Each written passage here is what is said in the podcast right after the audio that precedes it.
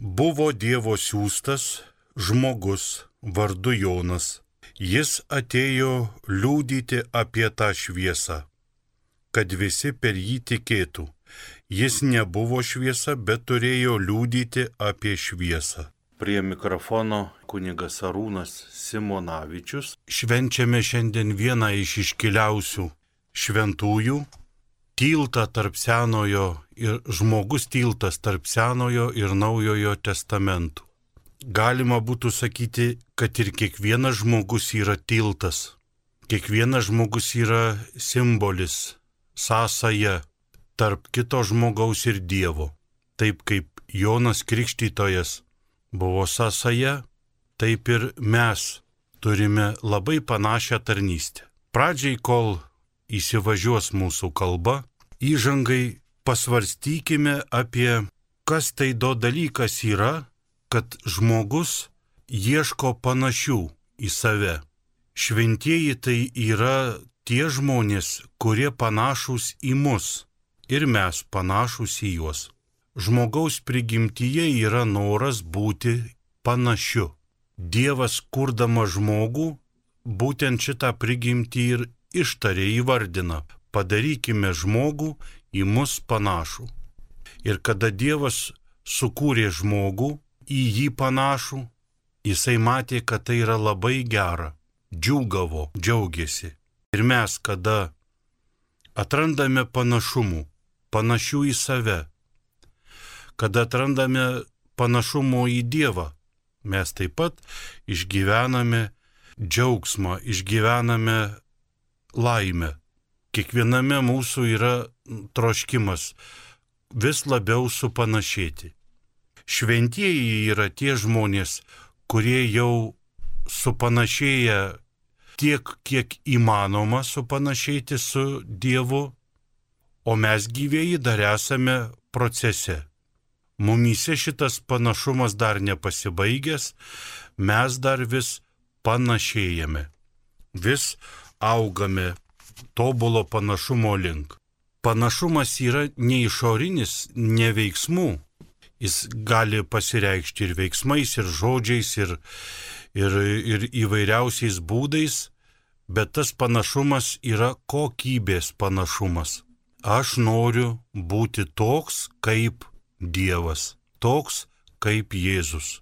Kada žvelgiame į šventuosius, mes juose pamatome kilnių savybių, kurių ir mes turime taip pat, tik tai mažesnį kiekį. Ir va štai šitas panašumo dalykas užkuria mumyse, kadangi siela yra iš prigimties veržli į gyvybę, į kūrybą, į tai, kas auga, į tai, kas bręsta ir siela užsidega patraukimu, geismu aukti ir panašėti į tą šventąjį, kurio savybių turiu ir aš, kurio gyvenimas yra ir į mano gyvenimą šiek tiek panašus.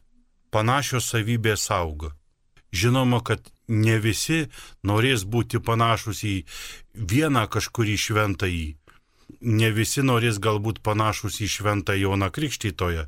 Situacija gal netokia, nors yra bendrų savybių, kuriomis mes kaip krikščionys, kaip Dievo vaikai esame panašus.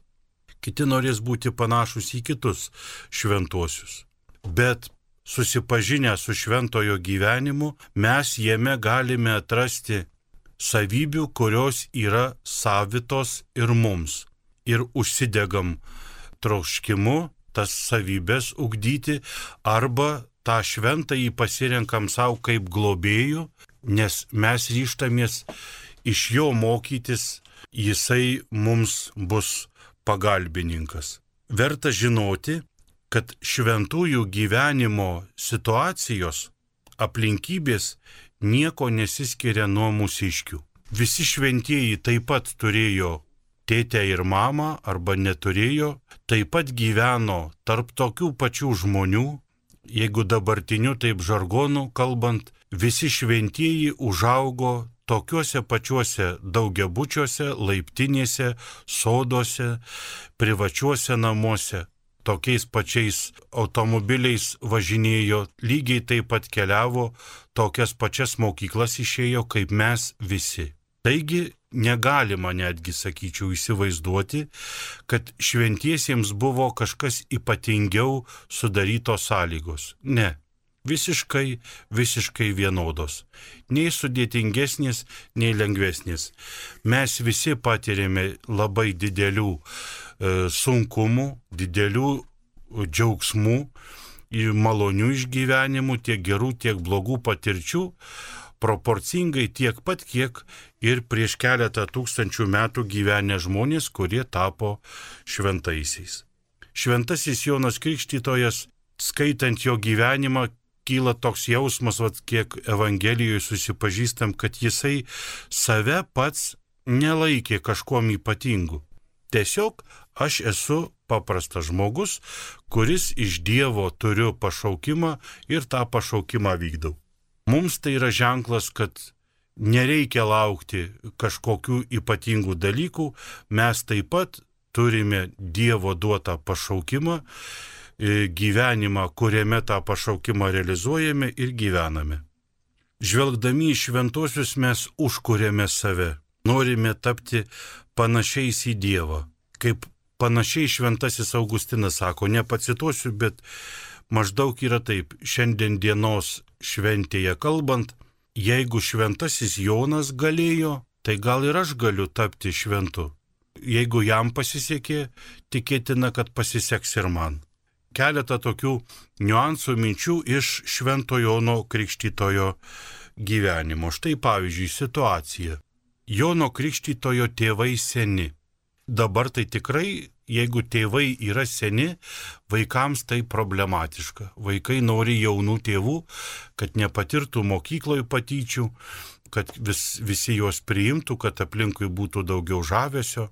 Nežinau, ką išgyveno šventasis Jonas Krikštytojas, bet bažnyčios rašytojų tarpe vyko diskusijos, kad jo tėvai seni kaip tai darė įtaką Jonui Krikštytojui. Ir yra autorių, kurie pastebi, kad kaip tik seni tėvai religiniam auklėjime yra naudingiau, nes jau jų aistros, jau jų charakteriai yra apšlifuoti jau jie yra subrendę, jau jų aistringumo lygis, jeigu taip tarkim, yra jau žemesnis ir tokių tėvų vaikas yra ramesnis. Jam yra lengviau gyventi asketinį gyvenimą. Remiantis tokiais pasvarstymais, matome, kad tikrai šventasis Jonas Krikštytojas buvo ramesnis žmogus. Buvo žmogus, kuriam, kurio aistros nebuvo įžieptos iki labai e, smar, smarkaus laužo. Tai buvo žmogus gana susivaldęs. Jisai tą galėjo patirti iš savo senųjų tėvų, kurie jį trumpą gyvenimo laikotarpį auklėjo ir buvo su juo. Yra manančių, tiksliai reikėtų galbūt patikslinti, bet, bet šiaip yra ne vienas autorius, kuris kalba apie tai, kad Jonas Krikštytojas buvo, kada jo tėvai numirė. Manoma, kad tėvą nužudė, kai išsiaiškino, kad jisai slėpė sūnų ir, ir kada buvo duotas įsakymas vaikelius nužudyti, jisai slėpė ir, ir nedavė, po to Zacharijas buvo nužudytas, motina numirė taip pat. Jį paėmė į dykumas žydų bendruomenės, kurios gyveno asketišką gyvenimą, taip tokį galėtumėm sakyti vienuolinį gyvenimą Senojo testamentų laikų vienuoliai. Ir jie gyvendami dykumose praktikavo tokį dalyką, kad paimdavo našlaičius vaikus, paimdavo auginti, auklėti, mokslą jiems kiek įmanoma suteikti ir Jonas Krikštytojas patenka į tokį štai vienuolyną. Taigi Jonas Krikštytojas buvo ne šiaip iš laukų atbėgęs, bet buvo žmogus, kuris nuo pat mažų dienų gana disciplinuotai, jeigu vienuolynė, tai disciplinuotai e, buvo augintas ir mokytas. Turėjo išsilavinimą, kitaip tariant. Kai kalbame ištarę žodį ir mes išgirstame disciplinuotas, mums iškart kažkodėl vaizdinys kyla toksai, kad labai griežta, labai sunkiai, labai kažkaip taip. Manau, kad taip nereikėtų suprasti. Disciplinuotas tai yra žmogus, kuris yra išlaikytas, neišėjęs iš ribų, kuris yra nelepytas, nebūtinai patyręs kažkokio griežtumo, žiaurumo, bet patyręs tvarkingo gyvenimo. Paminėta šventajame rašte, kad Jonas Krikštytojas buvo apsirengęs paprastais rūbais ir valgė labai kuklų maistą. Kada kalbame Tėvę mūsų maldą, sakome kasdienės duonos Dieve duok mums šiandien. Kalbant apie kasdienę duoną, kalbama apie mūsų poreikius. Jonas Krikštytojas mūsų laikams ypatingai, bet visais laikais, bet jis yra žmogus, kuris mums primena, kad savo poreikius tenkinti reikia, bet būkime atsargus, neišplėtokime savo poreikių tenkinimo tiek, kad jau paskui tai tampa priklausomybėmis, įdomis arba, na, jau nesusipratimu ir sunkiu gyvenimu, vartotojiškumu. Taigi mes turime nuolat krikščionys Jono Krikštytojo pamokyti ir jo priminimu vadovautis, kad kiek įmanoma savo poreikius patenkinti, bet ne per daug. Kad paskui netaptų elementarus dalykas, elementarus gyvenimas netaptų įda. Taip pat Jonas Krikštytojas yra aptariamas kaip balsas tyruose. Pradėkim nuo to, kad religijos pagrindinė užduotis yra palaikyti santyki tarp Dievo ir žmogaus ir jį nuolat gaivinti, gyvinti, šventinti, jį nuolat auginti. Jonas Krikštytojas ateina būtent su tokia misija. Pranašas Izaijas kalba apie šitą balsą dykumose, balsą tyruose. Tas balsas, kuris skelbė tuometiniams žydams iš Babilonijos vergovės, ruoškitės išeiti iš vergovės ruoškitės, būsite išvaduoti. Nuodėmių atleidimas praktikuojančiam tikinčiajam teikia džiaugsmo. Sažinė džiūgauja, kada ji patiria atleidimą. Todėl Jonas, Jonas Krikštytojas akcentuoja religijos svarbą, jos esminę svarbą. Jonas Krikštytojas primena, kad atleidimas o ir atgaila yra visada tikybos pirmose gretose. Šiuo metu rytų bažnyčios vienuoliai labai dažnai primena, kad bažnyčia, jie aišku pirmiausiai kalba apie e, Bizantijos bažnyčią, kad bažnyčia nedaro atgailos. Tai iškalbinga, bet manau, kad katalikams taip pat verta pasiklausyti, ką kalba jų vienuoliai. Tai Jonas Krikštytojasgi ir mums primena atgaila ir atleidimas. Čia tik tai dar noriu priminti apie atgailą, yra atskiros katechezės ir jas klausome. Vieną tokį plonybėlę, kai žmogus pasako atsiprašau, dovanok atleisk, labai svarbu pasakyti atleidžiu, dovanoju, tau atleista nenutylėti, nepasakyti, žiūrėsim, kas bus. Jeigu neatleidi, sakai, neatleidžiu, bet jeigu atleidi, sakai, reikia ištarti žodį atleidžiu. Paprastas žodis, bet jis yra reikalingas. Kodėl? Jonas dykumoje yra balsas, o Jėzus yra logos žodis. Vienas be kito yra kaip kūnas ir siela atskirai. Jonas yra balsas, o Jėzus yra žodis. Be Jėzaus Jonas būtų niekas, jo misija būtų visiškai nereikalinga. jisai balsas, per kurį prabyla žodis. Kiekvieno mūsų galvoje, sieloje yra žodis, bet kol mes nepaskolinam savo lūpų, savo burnos balso stygų, tol žodis niekas jo neišgirsta. Čia pasikartosiu tik tai tiek, kad tikėjimas ateina iš klausymosi.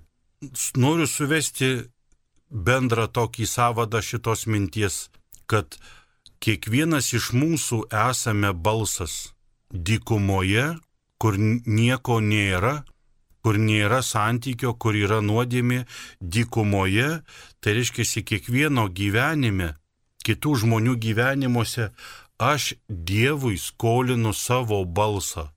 Už tai ir skelbė Evangelija.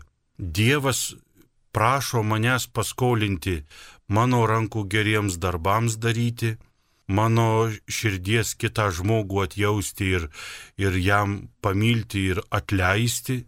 Paskolinu aš Dievui savo akis, paskolinu Dievui aš savo kūną ir savo gyvenimą, kad Dievas per mane veiktų verta priminti, kad Dievas nenori daryti žmonėms stebuklų.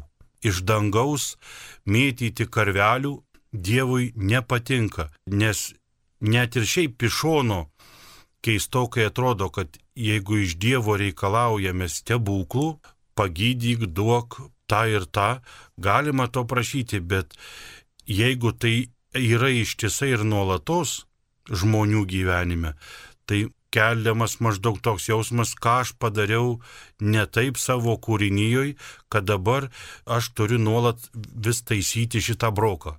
Todėl Dievas yra žmogus, yra kaip pasakyti, jis daro stebuklus. Dievas per žmogų daro kitiems, per gydytojus gydo, per mokytojus moko, per kitus žmonės myli, per kitus auklėje ir visa kita.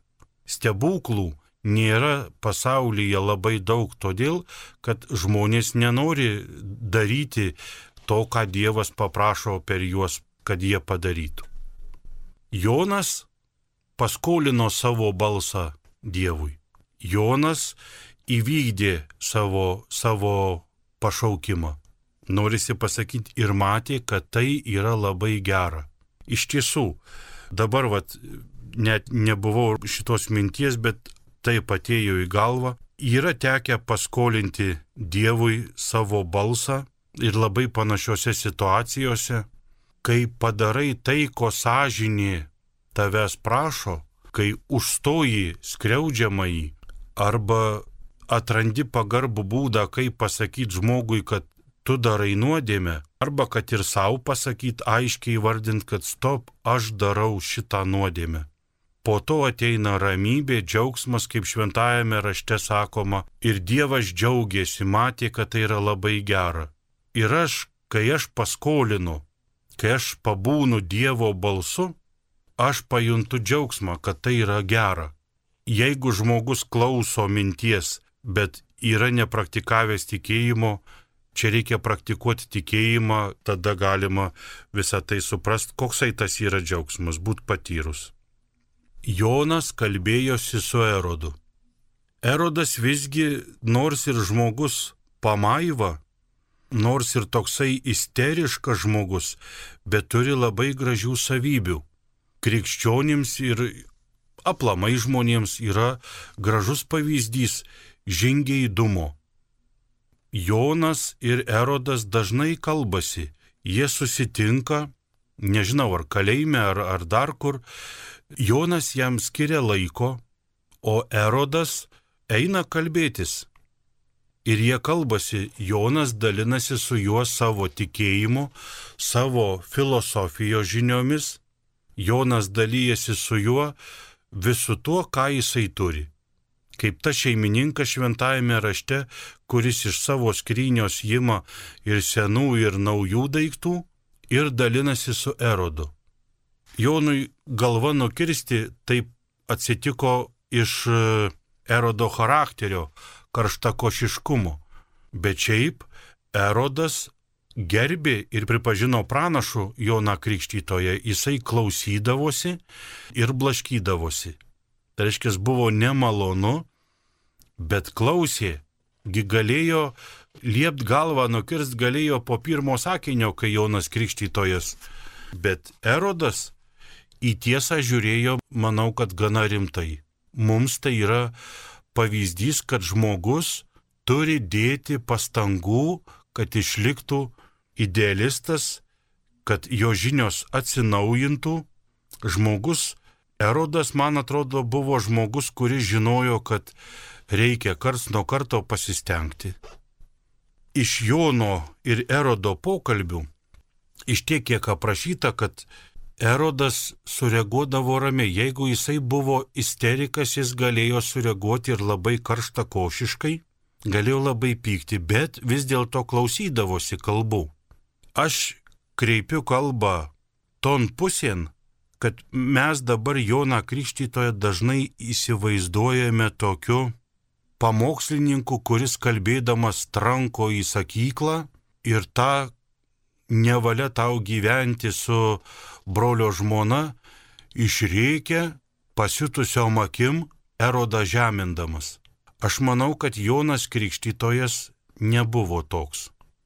Kiek yra tekę matyti, susitikti katalikų ar e, pravoslavų vienuolių, kunigų, arba senolių, našlių, senų moterų, senų vyrų, kurie yra kažkuom panašus į Joną Krikštytoją, jie pasako tiesą, pasako ją neviniodami į vatą, labai pliku atviru tekstu, tau nevalia gyventi su brolio žmona. Kitais atvejais kitokį apie blogį pasako, bet nuodėmė įvardina aiškiai, konkrečiai, bet šiems laikams reikia jau akcentuoti pagarbiai, švelniai, norėdami, kad žmogus pasitaisytų. Mes įsivaizduojam, kad ateis Jonas Krikštytas, tai sukels vėją, kad trenks, kad suūš viskas ir dabar kažkaip viskas tik birėsi, prasidės kančios į peklą kada, manau, kalbėjo Jonas Krikštytojas, jis puikiai ir iš savo žinių, ir iš e, žmonių pažinimo žinojo, su kuo jisai kalba, ir jeigu jisai turėjo norą sielą gelbėti, jisai tą sakė, kaip tai panašiai, kaip tėvelis Jėzuitas Merkys iš Kauno. Kažkas tai tokio. Jeigu dar Jona Krikštytoja kas nori. Tokius kunigus arba tokius vat, žmonės tai dažnai vadina močiutė arba vaikai sako teta ir suaugę žmonės prie jų eina kaip prie močiutės, kaip prie kunigo, tai sako tėvelį. Tekia girdėti tokių labai daug. Manau, kad iš šito galima atsekti, nujausti, kad Jonas Krikštytojas buvo kaip vienuolystėje turima omeny senolis. Kai mes va štai sutinkam kartais senų žmonių tarpe, ramus žmogus, kuris pasako tiesą ir ta tiesa tau pragaro nepadaugina, bet pragaro sumažina arba už vis uždaro pragaro vartus ir tu pradedi grįžinėti į rojų. Nes ir erodijada, kodėl taip išsigando? iš karto liepė e, nušniot galvą Jonui Krikštytojui. Jis viską būtų, jeigu matyt, kad Erodas buvo belingstas paklausyti Jono Krikštytojo. Ir čia pasitaikius progai gerai, labai jai nuskilo, bet nuskilo trumpam. Paskui sakoma, kad jos likimas buvo labai varganas bet iš tiesų jinai bijodama prarast savo padėtį, turtą ir, ir normalų gerą gyvenimą aukštuomenėje, nes jos tas pirmasis vyras, jisai buvo, na, toks tik tai pavadinimas karaliaus, o šiaip jisai jokių nei turto turėjo, nei, nei valdė. Sėdėjo ir laukė, kol kas nors baigsis. Tai jai ėmė baimė, nerimas ir jinai Jono Krikštytojų pasitaikius progą. Vadinasi, Jonas Krikštytojas Eroda buvo, jeigu taip galima sakyti, be palenkęs be apsukas grįžti į, į šventesnį gyvenimą, į Dievo baimingą gyvenimą. Ir Erodiados čia šitoks šuolis iškalbingas verčia pagalvoti, ką gali, sako šventas raštas, teisiojo malda, bet ką gali ir meilus pokalbis, ką gali tėviškas toks supratimas padaryti. Apie Joną Krikštytoje dar buvo pats Zacharijas, kada va, ta vadinama Zacharijo giesmė, sakoma, tu vaikeli būsi aukščiausio pranašu, eisi pirmą viešpaties veido jam kelio nutiesti ir žmonės pamils Dievą iš jo gailestingumo. Gailestingumas yra tikrai, nežinau kokia, bet turbūt labai aukšto lygio meilės forma mes kiekvieną rytą gėdodami šitą giesmę turim prisiminti, kad jeigu aš iš ko nors gausiu žmogaus gailestingumo arba Dievo gailestingumo, į mano gyvenimą sušvis saulė. Mano gyvenime prasidės geriau, mano gyvenimas pradės gyvuoti. Jeigu aš kam nors parodysiu gailestingumo, to žmogaus gyvenime prasidės džiaugsmas, šventėjimas. Tarp kitko verta pasiskaityti Beresnevičiaus knygose, Gintaro Beresnevičiaus etimologija žodžio šventėti. Norim, nenorim, bet apsiimdami būti krikščionimis ir katalikais ar pravoslavais, mes apsijimame ir praktikuoti tai, ką Jonas Krikštytojas nurodė - daryti atgailą, praktikuoti atsiprašymą, atgailojimą, taisymasi ir atleidimo davimą, atleidimo prieimimą. Ir kalbant dar apie Joną Krikštytoje, jisai yra toks žmogus riba tarp Seno ir Naujo testamento. Esu girdėjęs vienuolius kalbantis ir jie sako, kada bus pasaulio pabaiga ne kažkokia data aiški, bet sako, tada pasaulio pabaiga prasidės, kai bus ištrinta riba tarp gėrio ir blogio. Jonas Krikštytojas, o savo tikyboje ir mes tokią savybę įgauname krikščionybėje, kad netrinam ribos tarp gėrio ir blogio. Kiekvienas krikščionis kartu su Jonu Krikštytoju kad ir kaip nesinorisi kartais, bet šitą ribą tarp nuodėmės ir gėrio niekada jos netrina, niekada nestorina, niekada neieško nuodėmės ten, kur jos nereikia ieškoti, bet ten, kur yra nuodėmė, taip pat sako, kad ten yra. Labai nemalonu yra būti ribos žmogumi, riboženkliu. Visi vieni ir kiti norėtų tave kur nors pastumti, o tau reikia išstovėti ant tos vietos. Prie mikrofono kunigas Arūnas Simonavičius. Tai Jonas Krikštytojas savo atstovėjo. Belieka mums Dievą prašyti, kad ir mes atstovėtumėm, kad ištvertumėm iki galo. Amen sudė.